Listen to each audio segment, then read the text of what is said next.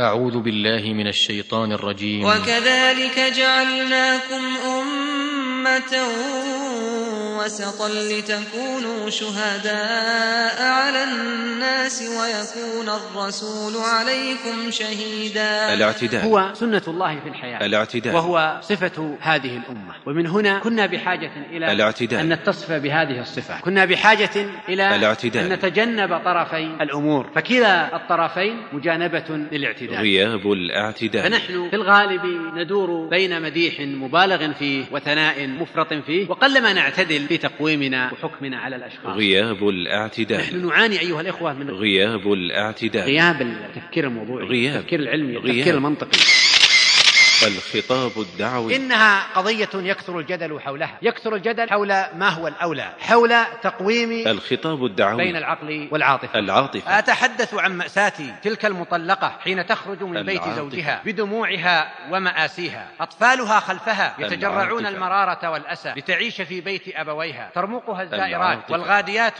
بعيون الشفقة العقل وحين يقع الطلاق وتفترق الأسرة فإن أثر هذه العقل. المشكلة يتجاوز الزوجين فيمتد إلى الأطفال العقل. وإلى أسرة الزوجين بل يتجاوز ذلك لتنتج عنه. سلوكيات تسيء للمجتمع. الخطاب الدعوي بين العقل يتسم غالبا بالاعتدال في الأحكام والمواقف. والعاطفة. يخاطب المشاعر والعواطف. العقل. يبتعد عن تعميم غير منطقي. العاطفة. يركز على القصص والنماذج. العقل. في قدر من النسبية ما يقطع في كل شيء. الخطاب الدعوي بين العقل والعاطفة.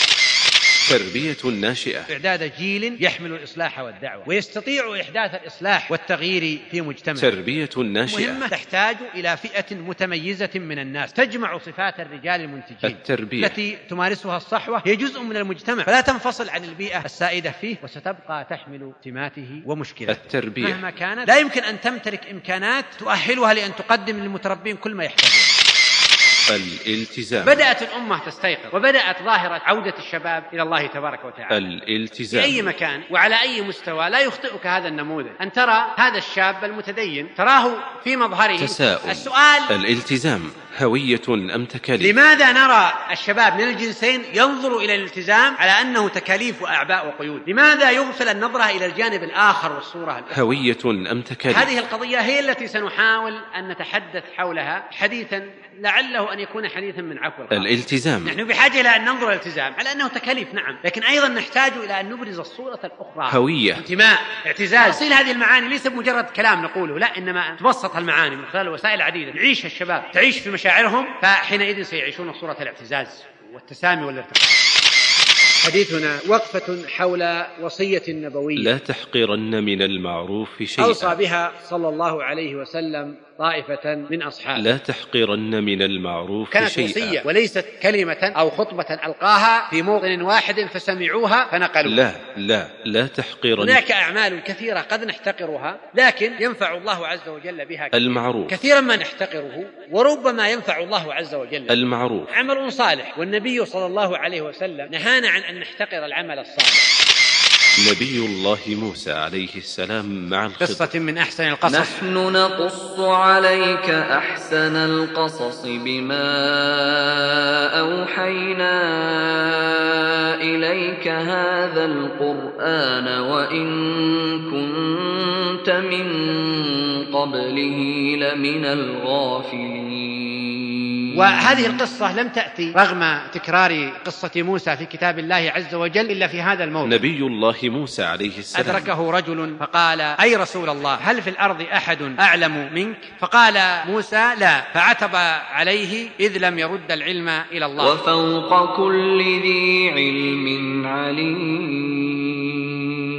دعونا نقف وقفات مع نبي الله موسى عليه السلام مع الخضر. إن هذا الدرس يعطينا عبرة. أن نشعر بحاجتنا إلى أن نتعلم إلى أن نبني أنفسنا. نبي الله موسى عليه السلام. بذل جهده فرحل هذه المسافة واحتمل هذا المقام وانتقل من موقع التوجيه إلى أن يأتي متعلما أمام الخضر. قال له موسى هل أتبعك على أن تعلمني مما علمت رشدا؟ أن المرء مهما بلغ من العلم والتقى والتربية والصلاح فلن يصل إلى حال يسر مؤسسة صدى. التقوى بالرياض وبالتعاون مع شبكة البشائر للإنتاج الإعلامي. أن تقدم لكم الالتزام. هوية أم تكاليف؟ بسم الله الرحمن الرحيم. الحمد لله رب العالمين.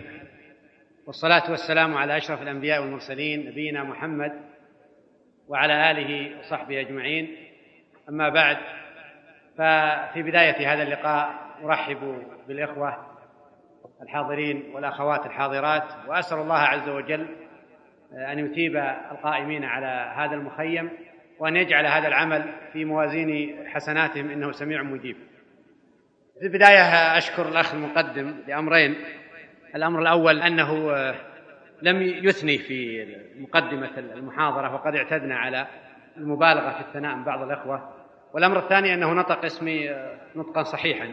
يعني كنت أسمع اسمي قبل قليل ينطقون نطق خاطئ ف يعني اسمي كما نطق الأخ. الموضوع كما ذكر الأخ هو الالتزام هوية أم تكاليف. في ظل هذا الواقع الذي تعيشه الأمة ومع تركيز الجهود على صرف الشباب من الجنسين على صرف الشباب والفتيات عن دينهم خرج جيل من الشباب وجيل من الفتيات بعيد عما يريده الله تبارك وتعالى. جيل لا تتمثل فيه صفات أهل الإسلام. جيل ينتسب إلى الإسلام لكنك حين تراه لا ترى فيه خلق المسلمين وسلوكهم ولعل ما شاهدتوه قبل قليل يعطي صورة أو جزء من هذا الواقع. عاشت الأمة غربة كالحة حتى أصبح المتدين إنسانا غريبا إنسانا شاذا سواء كان من الشباب أو الفتيات. أصبح الشاب الذي تظهر عليه مظاهر التدين يمثل نموذجا شاذا في المجتمع خاصة حين يكون شابا متعلما فالمفترض أن يكون شابا راقيا والتدين إنما يليق بالقرويين والفلاحين وغيرهم. الفتاة حين تكون محجبة فإنها أيضا تصبح نموذجا شاذا. ويزيد الأمر حينما تكون طالبة متعلمة مثقفة حينما تكون طالبة في التخصصات التي يتسابق الناس عليها ويشعرون أنه لا مكان لأمثال هؤلاء في هذه الدائرة. بدأت الأمة تستيقظ وبدأت ظاهرة عودة الشباب إلى الله تبارك وتعالى. من الشباب والفتيات. وأصبحت اليوم في أي مكان وعلى أي مستوى لا يخطئك هذا النموذج. أن ترى هذا الشاب المتدين تراه في مظهره فترى مظهره يحكي لك دون أن تعرف حاله وتعرف أخباره. هذا المظهر يعطيك انطباعا وصورة بأنك أمام شاب متدين حريص على استقامته والتزامه. وأصبحت أيضا ترى الفتيات في تلك البلاد التي انتشر فيها السفور. وأصبحت الفتاة تستطيع أن تلبس ما تشاء وتستطيع أن تفعل ما تشاء وتخرج كما تشاء في تلك البلاد. أصبحت ترى الفتاة ليست تلك الفتاة القروية ليست تلك الفتاة التي تعيش في البادية أو تعيش في قبيلة محافظة إنما تلك الفتاة التي تعيش في المدن في العواصم تدرس في الجامعات ومع ذلك تراها محجبة تعتز بحجابها. أصبحت هذه الظاهرة منتشرة منتشرة في كل مكان في الدول في المدن في الأقاليم في القرى في النواحي في كافة الطبقات الصغار الكبار كافة التخصصات أصبحت ظاهرة تفرض نفسها. ومن هنا نشأ هذا الاصطلاح. فاصطلح الناس على هذا الاصطلاح. ربما البعض يتحفظ عليه أو يطرح بديلا آخر لسنا في صدد نقاش هذه القضية إنما نحن نتعامل مع أمر واقع. المعنى واضح. هناك شباب أصبح الالتزام سمتا لهم وسمه لهم. وهناك فتيات أصبح الالتزام سمتا لهن وسمه لهن. وصار الالتزام حياة ونقلة جديدة. ولهذا من الطبيعي أن تسمع أن فلانا التزم واستقام أنني التزمت منذ التزمت أصبحت صورة واضحة آه، الناس يفرقون. هذا الوصف يعطي دلالة. فأنت حينما تصف فلانا من الناس بأنه ملتزم أو تصف فلانه من الناس بأنها ملتزمة هذا الوصف يعطي دلالة واضحة يفهمها الجميع ويعيها الجميع. من هنا نشأ هذا الجيل وأصبحت له هذه الصفة هذا المصطلح اصطلحنا عليه. وإن كان البعض يتحفظ على هذا المصطلح يتمنى أن نعبر بالمصطلحات التي دل عليها الشرع المستقيم الصالح إلى آخره. لكن الاصطلاح إذا لم يترتب عليه محذور فلا إشكال فيه. وإن كان لو أتيح لنا الاصطلاح الشرعي الذي جاء في الكتاب والسنة فلا شك أنه أولى. لكن لو اصطلح الناس على وصف لا يعارض الشرع فلا حرج في ذلك. فقد اصطلحت الأمة على علوم على مصطلحات اصطلح الفقهاء على عبارات ليست بالضرورة جاءت بنصها في الكتاب والسنة. حينما نتأمل واقع هؤلاء الملتزمين من الشباب ومن الفتيات. نرى مشكلة تؤرقنا كثيرا. تلكم المشكلة هي الشعور بالإحباط. نرى جيلا محطما. يأتي الشباب يلقون أسئلتهم يتحاورون تسمع منهم. تجد أن هذا الشاب هذا الشباب الملتزمين المتدينين يعيشون إحباط يعيشون نوعا من عدم الثقة بالنفس. يعيش كثير منهم نوع من الشك في الالتزام فتراه يطرح علامة استفهام على التزامه. ولهذا تجد كثيرا ما يقول أنا شاب محسوب من الملتزمين. أنا شاب يعدني الناس من الملتزمين وهكذا بالنسبة للفتيات. ولهذا ترى كثيرا منهم يضع علامة استفهام على التزامه واستقامته أصلا. السؤال هذه القضية هي التي سنحاول أن نتحدث حولها. حديثا لعله أن يكون حديثا من عفو الخاطر. أعتقد أن عدم ضبط هذه القضية عدم ضبط التوازن بين الهوية والتكاليف كان من نتائجه أن نرى هذه الصورة. يمكن أن نذكر أبرز السمات التي ارتبطت بهذا الشعور. منها الشعور بالنقص. ترى الشاب وترى الفتيات الملتزمين يشعرون بنقصهم. لا نعني بذلك النقص البشري. فالبشر لا بد أن يكون لديهم النقص البشري. لا بد أن يكون لديهم القصور الذي هو ملازم للبشر سواء في طبيعتهم وخصائصهم أو حتى في تدينهم. فإن النبي صلى الله عليه وسلم قال لولا أنكم تذنبون لذهب الله بكم ولجاء بقوم يذنبون فيستغفرون الله فيغفر لهم. وقال كل بني آدم خطاء وخير الخطائين التوابون. فكل الناس لا بد أن يقعوا في الخطأ. كل الناس لا بد أن يقعوا في التقصير. فأن نشهد تقصيرنا البشري الذي هو جزء من كوننا بشر هذا أمر طبيعي. لكن الشعور بالنقص الذي يتجاوز هذه القضية. ضعف الثقة بالنفس. سواء على مستوى الجيل والتيار أو على مستوى الأفراد. فالآن لو سألت هذا السؤال لو سألت الشباب ما رأيك في الشباب الملتزم اليوم؟ وسألت الفتيات ما رأيكن في الفتيات الملتزمات اليوم؟ ماذا تتوقعون أن تكون معظم الإجابات؟ ونحن نتحدث عن تيار عام عن ظاهرة عامة. سنجد أن النسبة الكبيرة تنظر نظرة قاصرة تنظر نظرة دونية. إنه يقول لك إن الالتزام الشائع اليوم جزء كبير منه مظهر أكثر منه حقيقة. إن هؤلاء كثير منهم غثاء.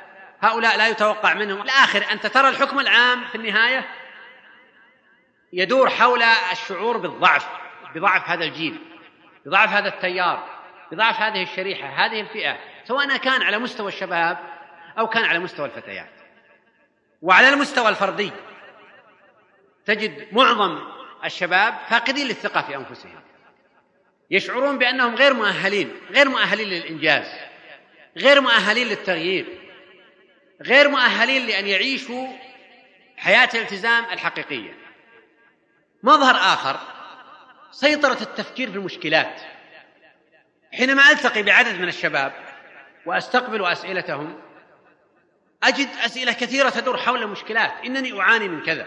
كيف أتخلص من كذا؟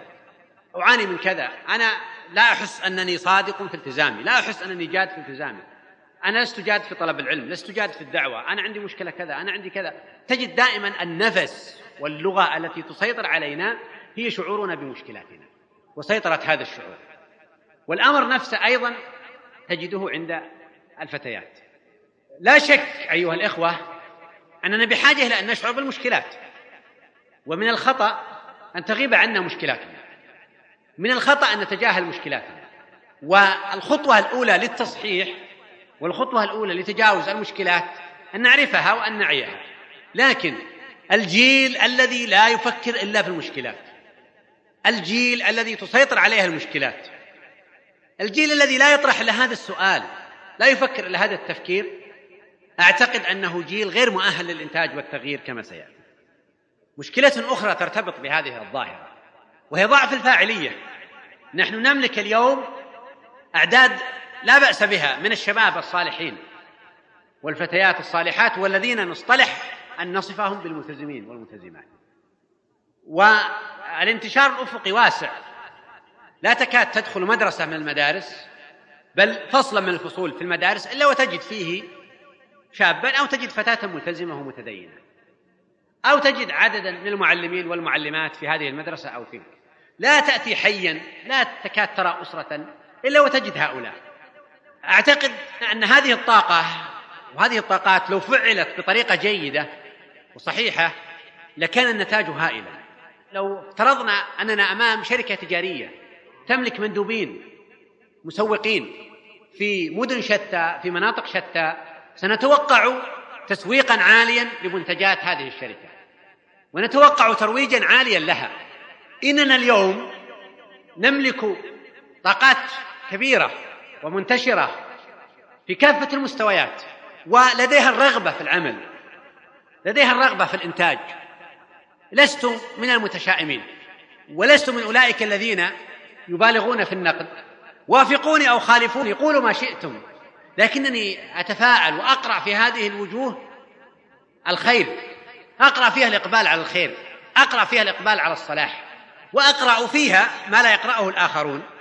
لا أدري ألأني أسلط النظر على هذه الصفحة والآخرون يسلطون على تلك؟ أو لأني متفائل والآخرون متشائمون؟ لا أستطيع أن أفسر ذلك. لكنني أقول إننا نملك اليوم طاقات هائلة أعداد غفيرة من الشباب والفتيات.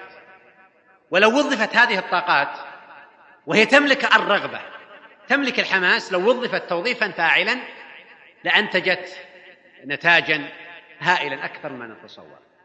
إذا هذا الجيل يعاني من ضعف في الفاعلية يعاني من ضعف في التاثير أيضا من آثار ذلك الإخفاقات.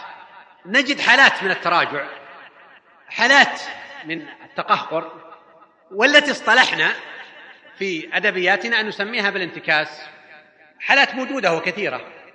جزء من هذه الحالات مصدره الشعور بالإحباط.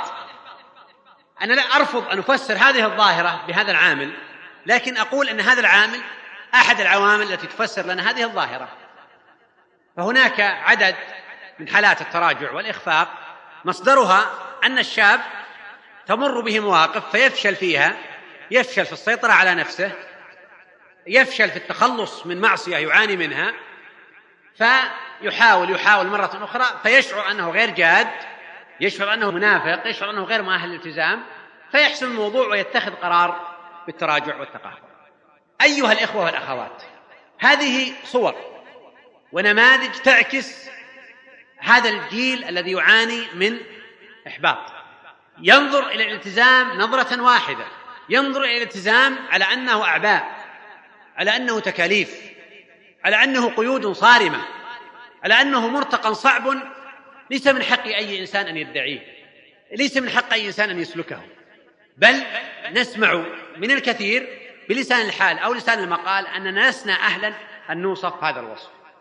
والمشكلة أيها الإخوة الأخوات كما أشرت قبل قليل تتجاوز الحكم الفردي. قد يكون الإنسان متواضعا قد يكون الإنسان ينظر إلى سيئاته تقصيره لكنك تراها على الجيل. لو ألقينا سؤالا على الحاضرين والحاضرات ما رأيكم اليوم في الشباب الملتزمين؟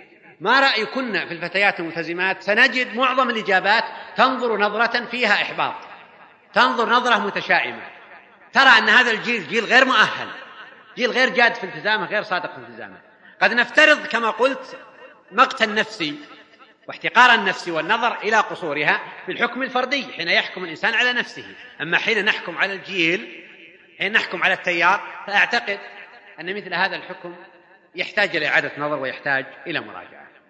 أيها الأخوة والأخوات الجيل اليوم تواجهه تحديات ضخمة. وأركز على تحديين. التحدي الأول الثبات في ظل عالم تعلو فيه فتن الشهوات والشبهات. ونحن أمام عالم أصبح القابض فيه على دينك القابض على الجمر. أصبحت فتن الشبهات والشهوات تلاحق الناس تلاحق الناس في مجتمعاتهم في شوارعهم في منازلهم بل في أسرتهم وفي غرفهم. وأصبحت هذه الفتن تواجه الإنسان تواجه الشاب تواجه الفتاة. نحن أمام تحديات صعبة ويشعر اليوم المسلم خاصة الشاب والفتاة يشعر بصعوبة استقامته والتزامه. يشعر أن فتن الشهوات والشبهات أمامه تتقاذفه وتختطفه. هو أمام تحدي أمام مطلب صعب. التحدي الثاني التغيير والإصلاح. هذا الجيل المبارك من الجنسين هو الجيل الذي ننتظر منه بإذن الله أن يصلح. هو الجيل الذي ننتظر منه أن يرفع لواء الإصلاح والتغيير. سواء في هذه المرحلة التي يعيشها في مرحلة بواكير الشباب وبداية الشباب أن يصلح من خلال المحيط الذي يتعامل معه ويتحرك من خلاله أو ما ننتظره في المستقبل. ننتظر من هؤلاء القادة ننتظر من هؤلاء الموجهين ننتظر من هؤلاء الذين يقودون مشروع الأصلاح والتغيير الشامل. مشروع الإصلاح الذي نتطلع إليه وننتظره أيها الإخوة والأخوات مشروع ضخم. ليس مجرد إلقاء كلمات هنا وهناك ليس مجرد إلقاء مواعظ ليس مجرد استثارة عواطف. إننا بحاجة إلى تغيير في المجتمع. والتغيير في المجتمع يحتاج إلى تحدي يحتاج إلى طول نفس يحتاج إلى جيل مؤهل للتغيير. جيل يملك إمكانات يملك قدرات يستطيع أن يفكر بطريقة صحيحة يستطيع أن يعمل بطريقة صحيحة يستطيع أن يفهم واقعه بطريقة صحيحة يستطيع أن يقود عملية التغيير. في كافة مجالات الحياة في المجال الاجتماعي في المجال الاقتصادي في تدين الناس في كافة مجالات الأمة نحن بحاجة إلى تغيير شامل وهذا التغيير صناع هذا التغيير هم هذا الجيل. اذا هذا الجيل أيها الإخوة والأخوات يواجه تحديين. تحدي الثبات والاستقامة في ظل هذا الواقع وهذا العصر بصعوباته وتحدي التغيير والتأهل للتغيير. دعوني أسأل سؤالا. هل تعتقدون أن الجيل المحبط الجيل الذي يفقد الثقة في النفس الجيل الذي ينظر إلى نفسه نظرة دونية هل تعتقدون أنه مؤهل لمواجهة هذه التحديات؟ حين نربي جيلا نلهب ظهره بسياط الإحباط ونجيد صناعة الفشل نجيد وعد الطموح نجيد وعد الثقة حينما نربي بهذه الطريقة شئنا أم أبينا أردنا ام لم نرد وعينا أم لم نعي حين نربي بهذه الطريقة. هل تعتقدون أننا سنخرج جيلا يتهيأ للثبات في ظل هذا العصر؟ جيلا يتهيأ للتغيير جيل يقود عملية التغيير. نحن أيها الشباب وأيها الفتيات ننتظر منكم مشروعات طموحة. ننتظر منكم جهودا هائلة. لا يمكن أن تكونوا عند مستوى طموحنا وتطلعنا حين تكونوا مطأطئ الرؤوس. حين تكونوا فاقدي الثقة الذي لا يستطيع أن يقود نفسه كيف يقود الآخرين. الذي لا يثق في نفسه كيف يمكن أن يوجه عملية التغيير وإرادة التغيير. أعتقد أن الصورة واضحة أمامنا ويشعر المربون ويشعر الغيورون ونشعر جميعا أن تحدي الثبات تحديا ضخما أمامنا يواجهنا. ونشعر جميعا أن تحدي التغيير هو الآخر تحدي ضخم. وأننا بحاجة إلى أن نعد جيلا يكون عند مستوى تطلعاتنا وعند مستوى طموحاتنا. لكن نحتاج أن نتساءل هل ربينا هذا الجيل بالصورة التي تؤهله لأن يصل إلى هذا المستوى؟ بالصورة التي تؤهله أن يواجه هذه التحديات؟ أعتقد أننا بحاجة إلى مراجعة. الجيل الذي نراه اليوم ونلمسه يقبل يقبل على الخير. يقبل على اللقاءات يقبل على مظاهر الخير جيل واعد جيل نستبشر به نتطلع. لكننا قد نخطئ بحسن نية وقد تدعونا المبالغة في الحرص فنقسو قسوة أو نسلك طريقا ربما أدى إلى هذه النتيجة التي نعاني منها. لماذا نرى اليوم الإحباط يسيطر على كثير من الشباب؟ لماذا نرى الشباب من الجنسين ينظر إلى الالتزام على أنه تكاليف وأعباء وقيود. لماذا يغفل النظرة إلى الجانب الآخر والصورة الأخرى؟ هناك عوامل ولدت هذه الظاهرة.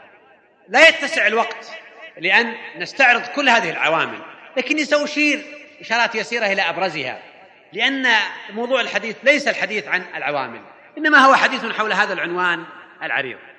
هي دعوة لأن نطرح هذا السؤال ونسعى للإجابة عليه. أن يطرحه الشباب والفتيات وأن يطرحه المربون والذين يتحدثون للشباب. من هذه العوامل سيطرت لغة الانتقاد والحديث عن الأخطاء. الخطاب الموجه للشاب الملتزم اليوم. والخطاب الموجه للفتاة الملتزمة اليوم خطاب يسيطر عليه الانتقاد يسيطر عليه التركيز على الأخطاء. دائما نتحدث هذا الحديث. حينما نتحدث مع الشباب نتحدث عن آفات الشباب الملتزم أخطاء الشباب الملتزم أخطاء يقع فيها الشباب الملتزم. آفات صدق الالتزام عناوين نسمعها كثيرا. ويأتي هؤلاء الشباب تأتي هذه الزهور المتفتحة هذه الوجوه المشرقة تأتي وتستمع لهذه السياط التي تلهب ظهورها.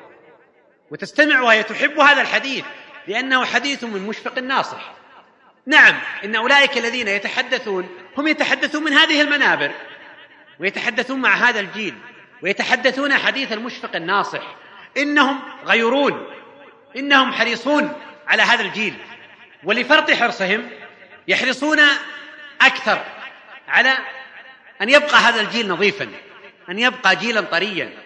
فتزعجهم أي نقطة سوداء في ظل هذا الثوب الناصع البياض. ومن هنا قد يتجاوزون لحرصهم. شأنهم شأن ذاك الإنسان الذي وجد جوهرة ثمينة فوضعها في جيبه فصار يتحسس جيبه بين فترة وأخرى يخشى أن تسقط هذه الجوهرة.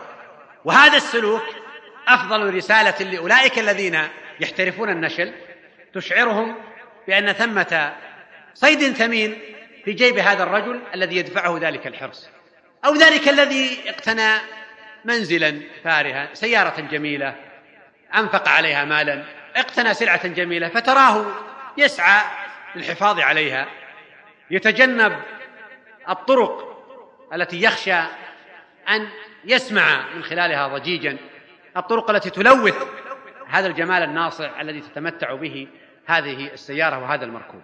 نعم أيها الإخوة الكرام إن هناك الغيورون الذين يتحدثون للشباب أو الأخوات الداعيات التي يتحدثن مع الفتيات.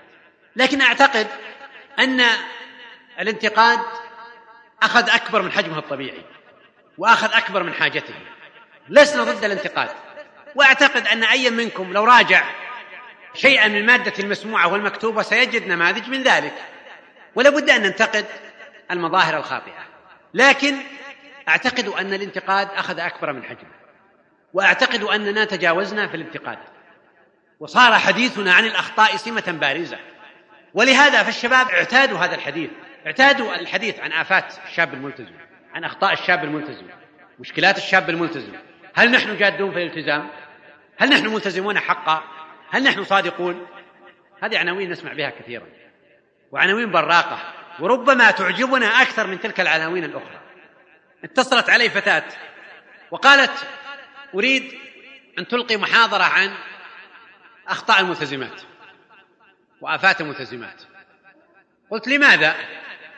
قالت أن هناك يعني مادة قدمت للشباب عن آفات الملتزمين وأخطائهم قلت هل تعتقدين أن أن هناك أخطاء ملتزمات؟ قالت نعم كثيرة نعم قلت أنا أعد لمحاضرة كان هذا الحديث قديما كانت بعنوان القابضون على الجمر وتحدثت فيها عن الوجه المشرق لهؤلاء.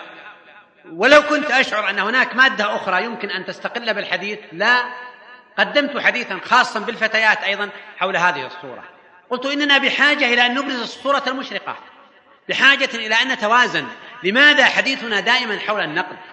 لماذا حديثنا حول الأخطاء؟ أين نحن من منهج النبي صلى الله عليه وسلم؟ وسنشير إلى شيء من ذلك. عامل آخر النظرة السلبية للنفس. حين ننظر إلى أنفسنا تسيطر علينا النظرة إلى العيوب تسيطر علينا النظرة إلى الأخطاء تسيطر عليه النظرة إلى جوانب القصور. نعم أيها الإخوة لست أدعو إلى أن نزكي أنفسنا لست أدعو إلى أن نبالغ في الثناء على أنفسنا لكن فرق بين أمرين أيها الإخوة والأخوات. فرق بين امتناع الإنسان عن تزكية نفسه بين مقت النفس الذي تحدث عنه السلف وبين الثقة بالنفس والتي نعني بها شعور الإنسان أنه يمكن أن ينتج شيئا. شعور الإنسان أنه يمكن أن يغير. يمكن أن يصنع الشيء الكثير. فرق بين الأمرين. الثقة بالنفس تعني أن نشعر أننا نملك نملك طاقات. نستطيع أن نصنع نستطيع أن ندعو نستطيع أن نغير في واقعنا. نملك الكثير. والإعجاب بالنفس هو رضا الإنسان عن نفسه. شعوره بأن له منزلة عند الله. شعور هذا شيء وذاك شيء آخر. الخلط بينهما هو الذي يؤدي إلى أن نفهم هذه القضية فهما خاطئا فننظر نظرة سلبية إلى أنفسنا. إننا بحاجة أيها الأخوة والأخوات إلى نظرة متوازنة لأنفسنا أن ننظر إلى عيوبنا وأخطائنا لكن أن ننظر إلى إمكاناتنا أن ننظر إلى ملكاتنا أن ننظر إلى ما حبانا الله من قدرات ومهارات حتى نوظفها توظيفا صحيحا. قد أكون شخصا لست سخيا في المال. والإنفاق. لكنني شخص أجيد الحديث. فلماذا لا أنظر إلى هذا الجانب؟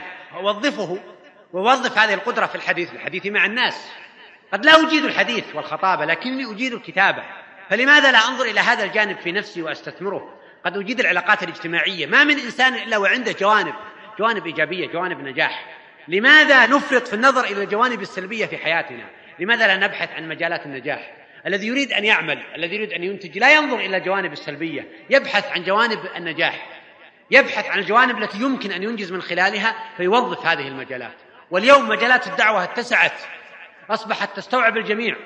تستوعب الرجال والنساء تستوعب الصغير والكبير. تستوعب المتميز والبليد.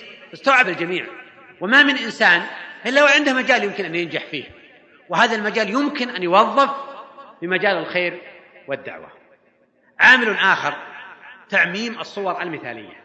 إذا تحدثنا أيها الإخوة في قيام الليل أوردنا صور من سير السلف عن قيام الليل وصور مثالية لم يصل إليها إلا آحاد منهم.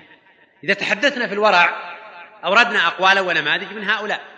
إذا تحدثنا في الاجتهاد في طلب العلم أوردنا نماذج من هؤلاء. إذا تحدثنا في الدعوة في الجهاد في أي ميدان أوردنا نماذج من هؤلاء. ولست أعترض أبدا على الاستشهاد في هذه المواقف ولا على هذه الأقوال. لكن المشكلة هي كثير من هذه الأقوال شاذة. يعني شاذة لا نعني أنها سيئة إنما لم تكن طبيعية لم تكن سمتا وصفة لكل الناس في ذلك المجتمع. فحينما نعمم هذه النماذج ونحاكم الناس إليها حينما أحدثكم عن عبادة الحسن البصري رحمه الله أو أحدثكم عن جهاد بن المبارك أو أحدثكم عن دأب الإمام أحمد في طلبه للعلم. وأقول حاكموا أنفسكم إلى هذا النموذج. أعتقد أنها صورة خاطئة وغير صحيحة. نعم نحن بحاجة إلى أن نبرز القدوات والنماذج. لكن هذا شيء وأن نحاكم الناس إلى هذا النموذج شيء آخر. مراتب الخير تتفاوت. الرسول صلى الله عليه وسلم يأتيه أعرابي فيقول ماذا علي؟ ماذا فرض الله عليه؟ قال خمس صلوات. قال هل علي غيرهن؟ قال لا إلا أن تتطوع صوم رمضان هل علي غير لا أن تتطوع حج البيت. قال والله لا أزيد على هذا ولا أنقص. قال النبي صلى الله عليه وسلم أفلح إن صدق ودخل الجنة إن صدق. وفي موقف آخر يبايع النبي صلى الله عليه وسلم طائفة من أصحابه على أن لا يسألوا الناس شيئا. هذا نموذج وذاك نموذج. ينبغي أن نبرز الصور المشرقة من سير السلف ونماذجهم. والقدوات. لكن أيضا لا نحاكم الناس إليها. لا نعمم هذه النماذج. ما الذي يحصل أيها الأخوة والأخوات؟ حينما يأتي الشاب فيقرأ هذه النماذج ويقارن نفسه بها. فيقول أينني من عبادة فلان؟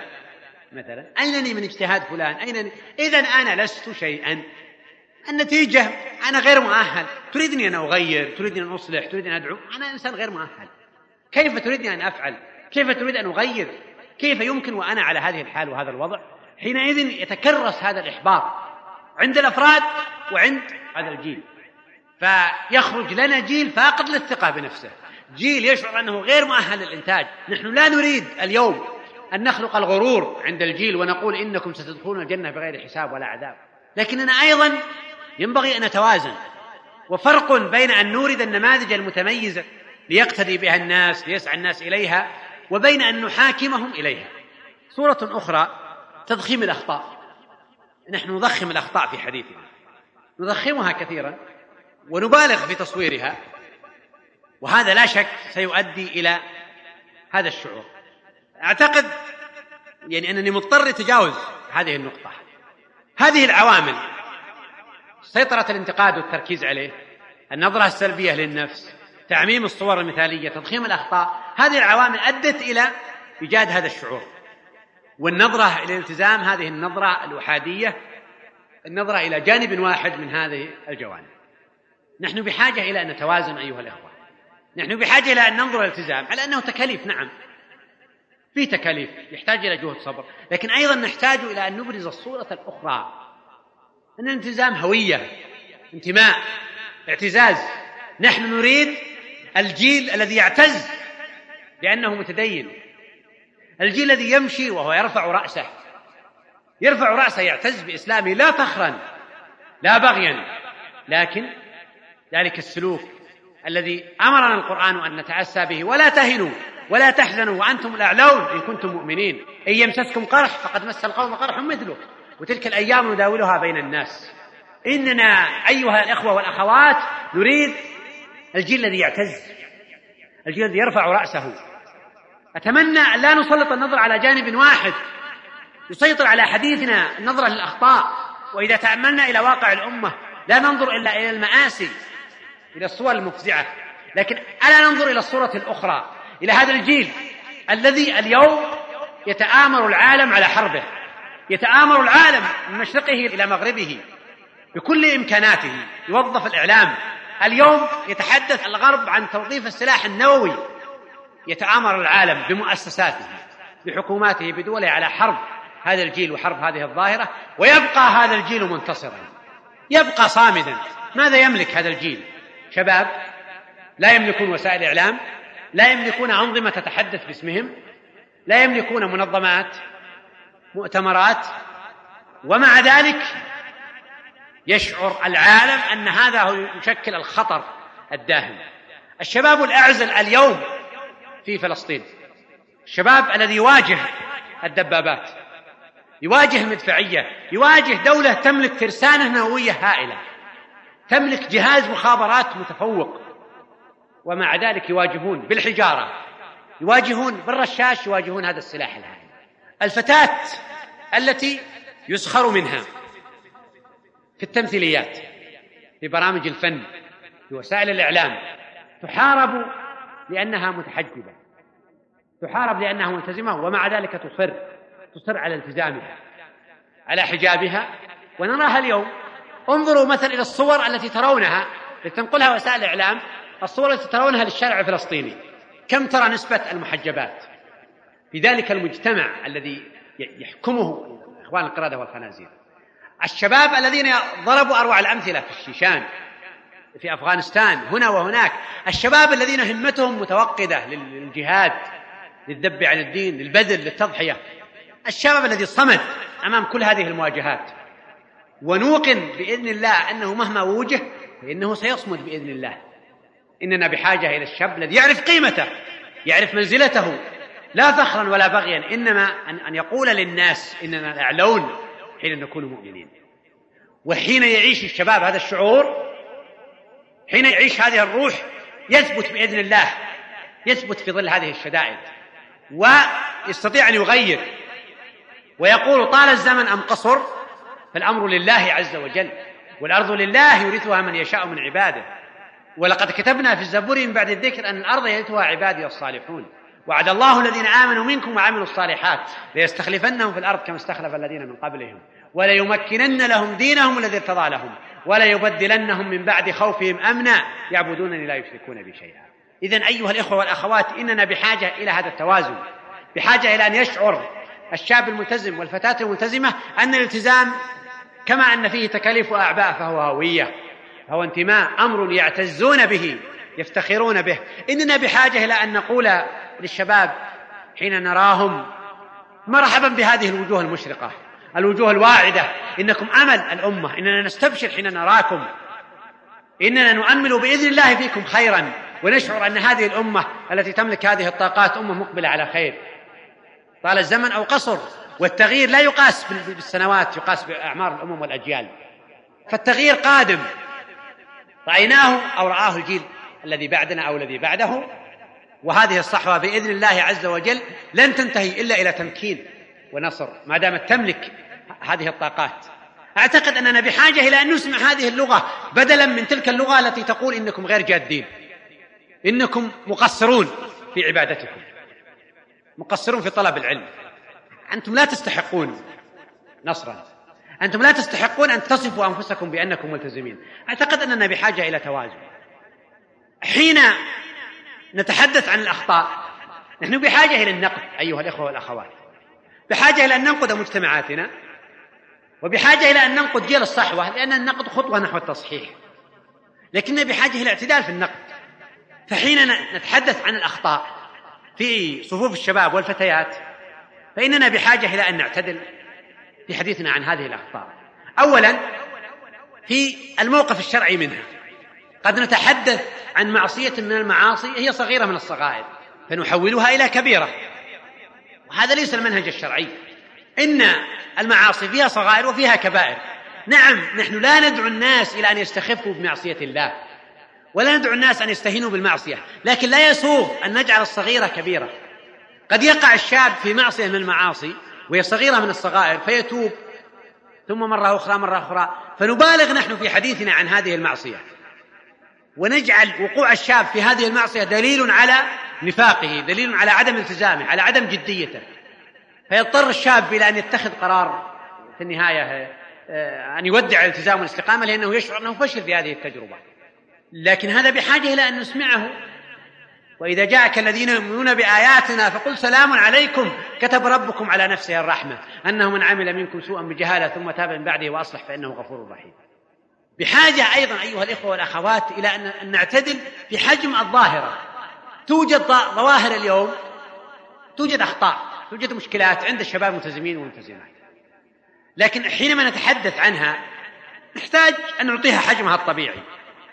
اعتدنا أن نسمع كثيرا هذه الظاهرة عمت وانتشرت عمت وطمت ويقع فيها الجميع إلا من رحم ربك. هذه الكلمات اعتدنا أن نسمعها كثيرا.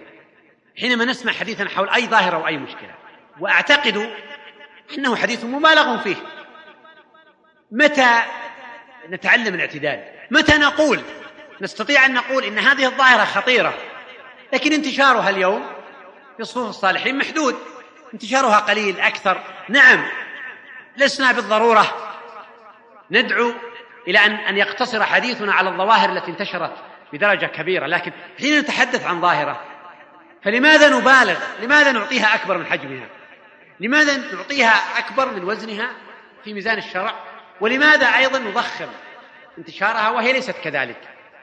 إذا أيها الإخوة والأخوات أيها المربون أيها الغيورون ليس من الغيرة أن نبالغ ليس من الغيرة أن نبالغ في تضخيم الأخطاء فلنتحدث عن الأخطاء في إطارها الطبيعي وحجمها الطبيعي وكل شيء مهما كان مطلوبا وجميلا إذا جاوز الاعتدال أدى إلى صورة سلبية. الماء لا يمكن أن نشربه إلا باردا. لكن لو زادت درجة برودة هذا الماء فجاوزت الاعتدال لا أصبح ضارا. التكييف نحتاج إليه ولا نستغني عنه. لو زاد أصبح ضارا. مكبر الصوت الذي أتحدث من خلاله لا غنى لكم عنه. لكن لو زاد أصبح مزعجا مقلقا أنا لا أدري الآن عن درجة الصوت لكن أتمنى أن لا يكون كذلك لكن يعني صبركم إن شاء الله دليل أن الصوت غير مزعج. فأقول نعم الحديث عن الأخطاء مطلوب التصحيح مطلوب لكن ينبغي أن نتحدث بقدر. ويجب أن نعلم أننا إذا بلغنا في ذلك سيكون هذا الحديث مزعجا وسيؤدي إلى نتائج عكسية وجزء منها ما أشرنا إليه. آه، أيضا نحن بحاجة إلى التوازن. بين إبراز جانب التكليف وبين إبراز الصورة الإيجابية. حينما نتحدث عن الالتزام نحن أمام كفتين. نتحدث عن التزام باعتبار أنه تكليف وباعتبار أن الإنسان بحاجة إلى أن يأخذ الشرع بقوة وهذا أمر لا شك فيه. لكن أيضا آه، نحتاج أن نبرز الصورة الأخرى عند الشباب وعند الفتيات. أن الالتزام هوية. لماذا لا نجعل الشاب يعتز بالتزامه؟ يعتز بانتماء الملتزمين يفتخر بأنه ينتمي لهذا التيار. كما هو حال كثير من الشباب اللي اللي يفتخر ب مثلا بتشجيع فريق كروي اللي يفتخر بانتمائه إلى شلة إلى عصابة في الحارة. تلبي حاجة عند الشاب في هذه المرحلة. لماذا لا نجعل هذا الشعور عند الشاب الملتزم؟ انه أني أنا أصاحب الملتزمين. أفتخر. ألسنا نرى اليوم. بعض الشباب إذا قابل زملائه وأقرانه حاول أن يظهر بصورة إنه غير متدين. يحاول يعدل في مظهره أحيانا. يحاول أن يترك بعض الأشياء التي يفعلها مع الصالحين حتى لا يوصم بأنه غير متدين. لماذا لا, لا نجد الشاب الذي يرفع رأسه ويقول نعم أنا متدين وأفتخر وأعتز بذلك ويسعدني أن أرى مثل هذا النموذج. أذكر موقفا قديم لكن لم أنسى تلك الصورة وإن كنت لم أفهمها كما أفهمها الآن. حين كنت في سن الشباب في المرحلة المتوسطة كان أحد الشباب المتدينين يتحدث مع شاب آخر غير متدين. ف بغض النظر عن اللغة التي كان يتحدث بها والأسلوب لكن كان يقول أنت يرضيك الواقع اللي أنت عليه. يقول أسألك ما هو هدفك في الحياة؟ ما هي رسالتك؟ هذا لا يعرف الهدف إلا في مصطلح الرياضه فرفع رأسه. قال طيب وأنت لك هدف؟ قال نعم أنا لي هدف. أنا أحمل رسالة. هل تعتقد أن مظهرك هذا مظهر لائق بإنسان فضلا عن عن شخص يعني ينتسب للعلم إلى آخره وبدأ يلهب ظهره بهذا الحديث وحين سأله عن هدفه ورسالته رفع رأسه معتزا. أنا أنا أحمل هدف. أنا صاحب رسالة أنا. بغض النظر عن الموقف لكن الشعور الذي يملكه ويحمله هذا الشاب نحن بحاجة إليه. أعتقد أن الشاب اليوم اللي في المرحله الذي في المرحلة المتوسطة والثانوي إذا كان يعتز بالتزامه يعتز بتدينه سيكون أكثر ثباتا سيكون أكثر تاثيرا سيمشي مرفوع الرأس ويبلغ رسالته للناس. الصورة الأخرى رأيتها حين كنت معلما قد بدأت أفهم الموقف بشكل أفضل من ذي قبل. شاب متدين مجموعة من الشباب في ممر المدرسة فمر هذا الشاب فلمزوه في بعض الأوصاف التي يوصف بها المتدينين. فوقف وعاد وسأل الشاب ماذا تقول؟ صدم بهذا الموقف. هو اعتاد أنه اذا إذا وصف هؤلاء يطاطعون رؤوسهم وينصرفون. تلعثم قال لا يعني أقول إنك يعني مطوع باللهجة اللي يرددها. قال نعم أنا أفتخر بهذا واعتز وأنت فاسق. قال لا ما ما أنا فاسق بس معليش يا أخي. المعذره قال لا أنا أنا إنسان متدين وأعتز وأفتخر وأعتز أن اوصف بهذه الصفة. تعتز ما أنت عليه؟ يعني أنت أولى أن تستحي أنت أولى أن فيعني قالوا بلسان الحال انصرف فما كنت جهولا.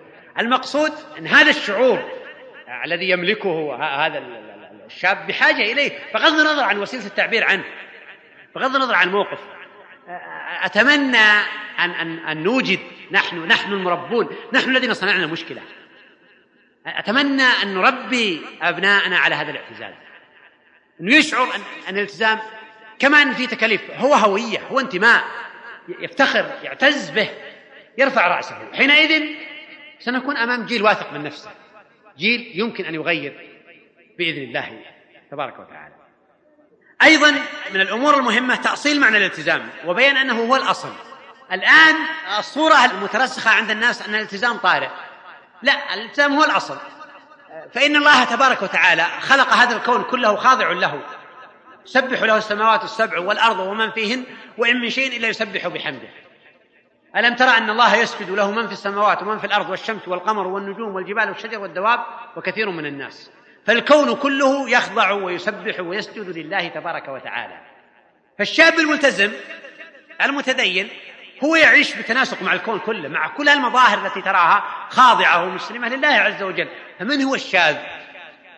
ولو كثر عدده ماذا يساوي البشر اليوم على ظهر الأرض والمعمورة؟ كم فيها من البحار والأشجار والأرض؟ ماذا تساوي في ظل هذا العالم الفسيح الضخم؟ كل هذا العالم خاضع ساجد قانت لله تبارك وتعالى إلا أولئك الغافلون المعرضون. إذا فالتدين هو الأصل. الشاب حين يكون ملتزما متدينا فهو يعيش بتناسق مع هذا الكون. يعيش حياة طبيعية أما الآخر فهو الذي يعيش ضد التيار. الله خلق الخلق ليعبدوه خلقنا لهذه المهمة وهذه الوظيفة.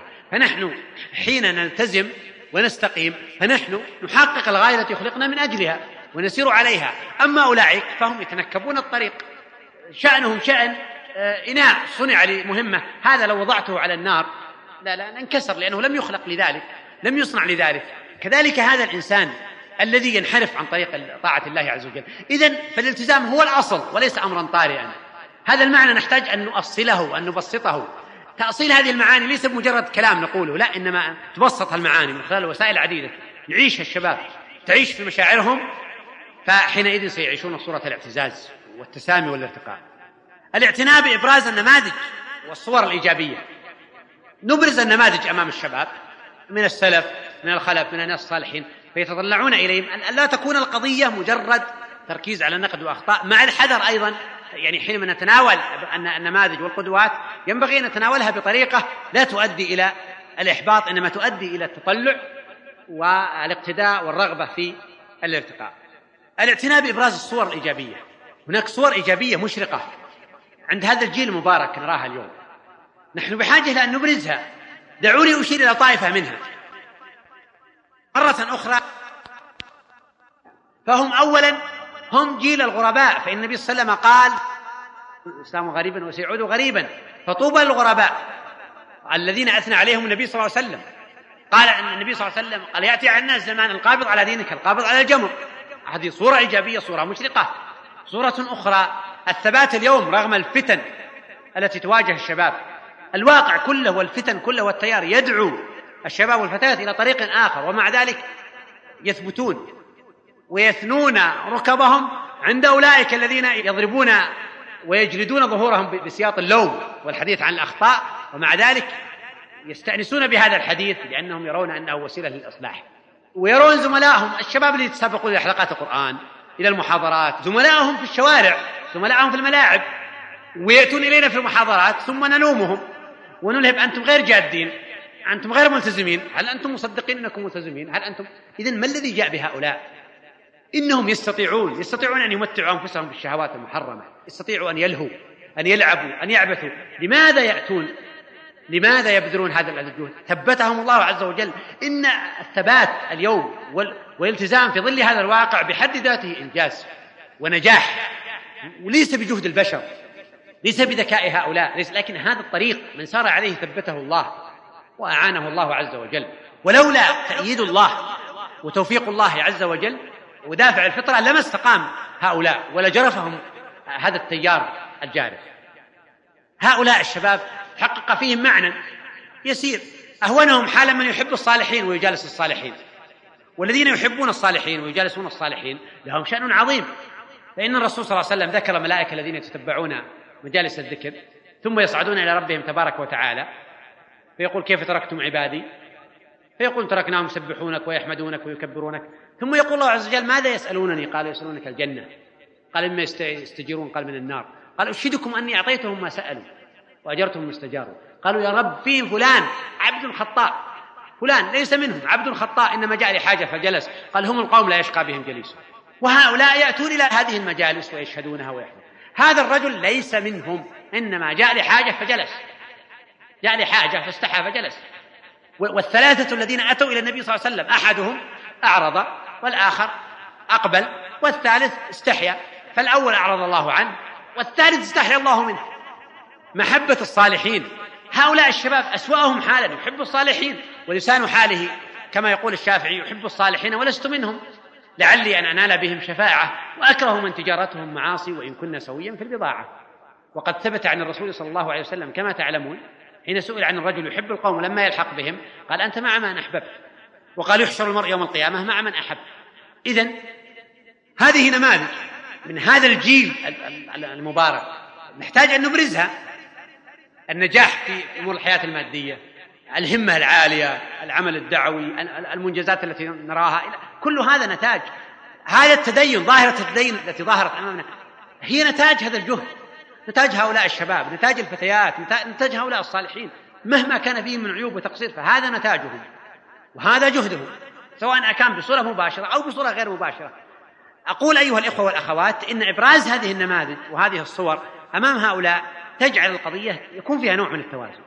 ولعلي يعني أخيرا أشير إلى بعض الصور من المربي الأول صلى الله عليه وسلم وكيف كان يتعامل مع الناس. النبي صلى الله عليه وسلم مع أنه كان يتحدث عن الأخطاء ويبينها إلا أنه كان يبرز تلك الصور الأخرى. من ذلك مثلا حديثه صلى الله عليه وسلم عن فضائل الأمة وهي كثيرة من, من ذلك الحديث الطويل في المقارنة بين الأمة واليهود والنصارى والذين عملوا نصف اليوم فقال, فقال أنتم أقل عملا وأكثر أجرا. وفي الحديث الآخر حديث باز بن حكيم عن أبي عن جده أنه سمع النبي صلى يقول آه إنكم تتمون سبعين أمة أنتم خيرها وأكرمها على الله عز وجل. فالنبي صلى الله عليه وسلم يخاطب أصحابه ويخاطب هذه الأمة بهذه البشارات. أيضا كان يثني النبي صلى الله عليه وسلم على طوائف من أصحابه في مواقف كثيرة فكان يثني على الطوائف. وقصته في الأنصار مشهورة لما قسم النبي صلى الله عليه وسلم الغنائم في غزوة حنين ولم يعطي الأنصار شيئا. فوجدوا في أنفسهم جمعهم النبي صلى الله عليه وسلم فقال يا معشر الأنصار ألم أجدكم ضلالا؟ فهداكم الله بي وكنتم متفرقين فألفكم الله بي وعالة فأغناكم الله بي. كلما قال شيئا قالوا الله ورسوله أمن. قال ما يمنعكم أن تجيبوا رسول الله صلى الله عليه وسلم؟ فقال لو شئتم قلتم جئتنا كذا وكذا. ثم قال أترضون أن يذهب الناس بالشاة والبعير وتذهبون برسول الله صلى الله عليه وسلم إلى رحالكم؟ لولا الهجرة لكنتم امرؤا من الأنصار. ولو سلك الناس واديا وشعبا لسلكت وادي الأنصار وشعبها. الأنصار شعار والناس دثار. إنكم ستلقون بعدي أثرة فاصبروا حتى تلقوني على الحوض. وقال صلى الله عليه وسلم في شأن الأنصار لا يحبهم إلا مؤمن ولا يبغضهم إلا منافق. وأثنى على أسلم فقال أسلم سالمه الله. وغفار غفر الله لها. وأثنى على الأشعريين فقال إن الأشعريين إذا أرملوا في الغزو أو قل طعام عيالهم في المدينة جمعوا ما كان عندهم في ثوب واحد ثم اقتسموه بينهم في إناء واحد بالسوية فهم مني وأنا منهم. أيضا كان النبي صلى الله عليه وسلم يثني على أعمال قد يعمل أصحابه أعمالا فيثني عليهم صلى الله عليه وسلم. من ذلك حديث المغيرة بن شعبة أنه غزا مع رسول الله غزوة تبوك. قال المغيرة فتبرز رسول الله قبل الغائط فحملت معه إداوة قبل صلاة الفجر. الحديث قال المغيرة فأقبلت معه حتى نجد الناس قد قدموا عبد الرحمن ابن عوف فصلى لهم. فأدرك رسول الله صلى الله عليه وسلم إحدى الركعتين فصلى مع الناس الركعة الآخرة فلما سلم عبد الرحمن بن عوف قام الرسول صلى الله عليه وسلم يتم صلاته فأفزع ذلك المسلمين فأكثروا التسبيح. فلما قضى النبي صلى الله عليه وسلم صلاته أقبل عليهم ثم قال أحسنتم أو قال قد أصبتم يغبطهم أن صلوا الصلاة لوقتها. وهذا السياق لمسلم. وأيضا في حديث آخر حديث أبي بردة عن أبيه قال صلينا المغرب مع رسول الله صلى الله عليه وسلم ثم قلنا لو جلسنا حتى نصلي العشاء قال فجلسنا فخرج علينا فقال ما زلتم ها هنا؟ قلنا يا رسول الله صلينا معك المغرب ثم قلنا نجلس حتى نصلي معك العشاء قال أحسنتم أو أصبتم ثم رفع رأسه إلى السماء وكان كثيرا ما يرفع رأسه إلى السماء فقال النجوم أمنت السماء. إلى آخر الحديث والحديث في مسلم. وأيضا في البخاري من حديث أنس النبي صلى الله عليه وسلم أخر ليلة صلاة العشاء إلى شطر الليل ثم أقبل علينا بوجهه بعدما صلى فقال صلى الناس ورقدوا ولم تزالوا في صلاة مذ انتظرتموها. وفي رواية أخرى لا ينتظر هذه الصلاة أحد غيركم. في كثير من هذه المواقف كان صلى يثني على أصحابه حين يعمل عملا يستحق الثناء. وأما الأفراد فكان يثني كثيرا على الأفراد صلى الله عليه وسلم. أن النبي صلى الله عليه وسلم إن, إن أمنكم عليه بصحبته أبو بكر. أثنى على عمر أثنى على أبو هريرة على أبي هريرة حين سأله قال لقد علمت آه، ظننت أن لا يسألني عن هذا الحديث أحد أول منك لما علمت من حرصك على الحديث؟ أثنى على طائفة من أصحابه في قراءتهم القرآن وتلاوتهم القرآن. أثنى النبي صلى الله عليه وسلم على سلمة بن الأكوع آه، وأثنى على قتادة. قال خير رجالتنا آه، سلمة وخير فرساننا قتادة. آه، افتقد النبي صلى الله عليه وسلم واحدا من أصحابه في حديث عظيم عن أبي برزة النبي صلى الله عليه وسلم كان في مغزى له فأفاء الله عليه. فقال لأصحابه هل تفقدون من أحد؟ قالوا نعم فلانا وفلانا وفلانا. ثم قال هل تفقدون من أحد؟ قالوا نعم فلانا وفلانا وفلانا. ثم قال هل تفقدون من أحد؟ قالوا لا. قال لكني أفقد جليبيبا. فاطلبوه فطلبوه فطلب في القتلى فوجدوه إلى جنب سبعة قد قتلهم ثم قتلوه. فأتى النبي صلى الله عليه وسلم فوقف عليه فقال قتل سبعة ثم قتلوه هذا مني وأنا منه. هذا مني وأنا منه. قال فوضعه على ساعديه. ليس له إلا ساعد النبي صلى الله عليه وسلم. قال فحفر له ووضع في قبره ولم يذكر غسلا. وهذا الحديث رواه الإمام مسلم في صحيحه وحينما تقرأ وتنظر في أي كتاب من كتب ودواوين السنة ستجد بابا من أبواب المناقب يذكرون فيه طائفة من مناقب القبائل والناس والأفراد. النبي صلى الله عليه وسلم حين كان يبرز هذه الصور أمام أصحابه ويثني عليهم. بل كان القرآن يتنزل في الثناء عليهم. الذين قال لهم الناس إن الناس قد جمعوا لكم فاخشوهم فزادهم إيمانا. وقالوا حسبنا الله ونعم الوكيل. محمد رسول الله. والذين معه أشداء على الكفار وحماء بينهم. تراهم ركعا سجدا يبتغون فضلا من ربهم من الله ورضوانا. وغير ذلك. أقول بهذه التربية تربى الجيل الأول. فكان جيلا جادا منتجا. جيل يسمع التصحيح يسمع النقد. يسمع التقويم والعتاب وفي المقابل يسمع الثناء ويسمع الصور الإيجابية. إننا بحاجة إلى هذا التوازن. بحاجة إلى هذا التوازن في التربية فلا نفرط في الحديث عن التكاليف حتى نصور للناس أن الالتزام مرتقى لا يطيقه أحد. والله عز وجل أخبر أن الدين يسر. ونبينا صلى الله عليه وسلم قال يسروا ولا تعسروا وبشروا ولا تنفروا. وقال هذا الدين يسر. وأيضا لا نفرط في الرجاء ونتستر على الأخطاء. إننا بحاجة إلى التوازن أن نتحدث عن تلك الصورة وعن تلك الصورة الأخرى. وحين نربي تربية متوازنة فإننا سنخرج بإذن الله جيلا متوازنا جيلا يؤمل منه أن يكون عند مستوى طموحاتنا وتطلعاتنا. أسأل الله عز وجل أن يبارك في هذا الجيل المبارك وأن يكتب الخير على يديه. إنه سميع مجيب. وصلى الله وسلم على نبينا محمد. والسلام عليكم ورحمة الله وبركاته.